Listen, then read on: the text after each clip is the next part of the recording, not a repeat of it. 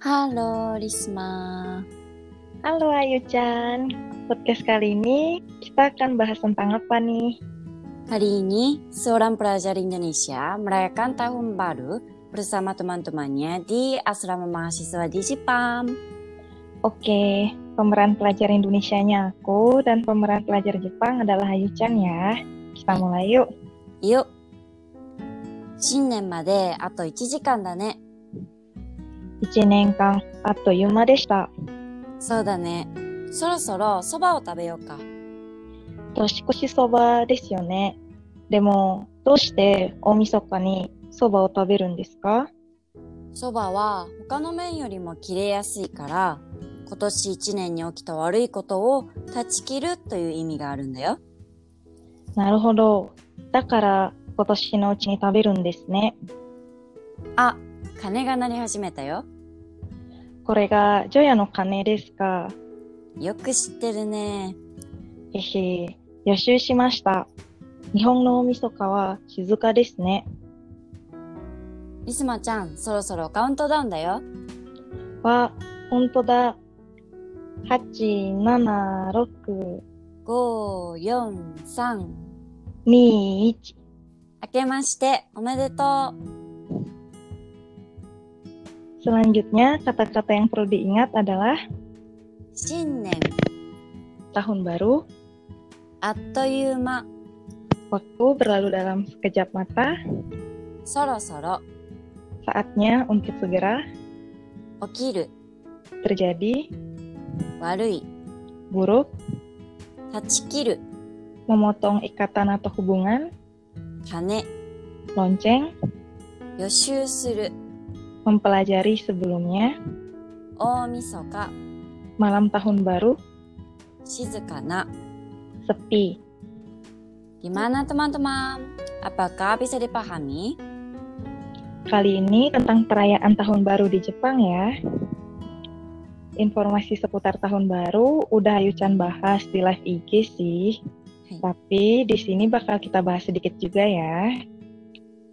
Oh iya, sebenarnya di Jepang ada konser dan acara tahun baru yang diadakan dengan sangat meriah kan? Ada sih, tapi kebanyakan orang Jepang menghabiskan waktu mereka dengan santai di rumah ya. Hmm, sambil menikmati toshikoshi soba atau soba tahun baru dan mendengarkan suara lonceng di malam hari itu ya. Benar banget Isma. Oh iya, seperti yang dibicarakan di percakapan bahasa Jepang tadi, orang Jepang makan toshikoshi soba untuk memotong ikatan dengan hal-hal buruk yang terjadi di tahun tersebut dan menyambut tahun baru dalam keadaan hati yang bersih ya. Hmm, mantap ya. Hmm. Budaya Jepang itu unik banget ya. Kalau Ayu-chan, tahun baru ngapain aja? Malam tahun baru, Omisoka, aku sih biasanya santai-santai di rumah sambil menonton TV bersama keluargaku ya. Selain itu, orang Jepang juga bersih-bersih rumah secara keseluruhan untuk menyambut tahun baru loh. Hmm, selain itu kalau nggak salah aku pernah dengar kalau orang Jepang senang mengirim kartu atau surat ucapan tahun baru ke rekan-rekan atau saudaranya ya.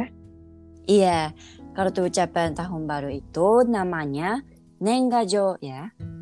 Oh, kamu sering mengirim menggajo nggak? Dulu ya, waktu aku masih SMA, aku sering banget ya mengirim menggajo. Bisa sampai 100 menggajo gitu. Tapi sekarang udah jarang sih. Wah. Terus di awal tahun baru, sekitar tanggal 1 sampai 3 Januari, orang Jepang bakal berkunjung ke kuil untuk berdoa juga kan? Benar banget ya Risma. Orang Jepang bakal ke kuil atau jinja untuk berdoa agar satu tahun ke depan segala urusan berjalan dengan lancar ya. Hmm. Setahu aku orang Jepang sering berkunjung ke kuil sih, tapi memang khusus di saat tahun baru, karena hampir semua orang Jepang berkunjung ke kuil, kuil yang terkenal pasti bakal ramai banget ya. Iya, karena berkunjung ke kuil saat tahun baru memang sudah menjadi salah satu budaya di Jepang ya. Hmm. Kamu biasanya saat awal tahun baru berkunjung ke kuil mana? Aku biasanya pergi ke kuil Egaraten Jinja di Kamakura. Oh ya, istilah untuk pertama kali berkunjung ke kuil saat tahun baru disebut Hatsumode ya. Hmm, mantap ya. Oh ya, tapi karena kali ini kita harus menghindari kerumunan, Ayu-chan sebaiknya Hatsumode ke kuil di dekat rumah aja ya. Iya sih, kita semua harus terus berhati-hati ya. Oh ya, podcast berikutnya kita akan membahas tentang Hatsumode lebih jauh lagi ya. Oke deh, podcast kali ini sampai di sini dulu aja ya.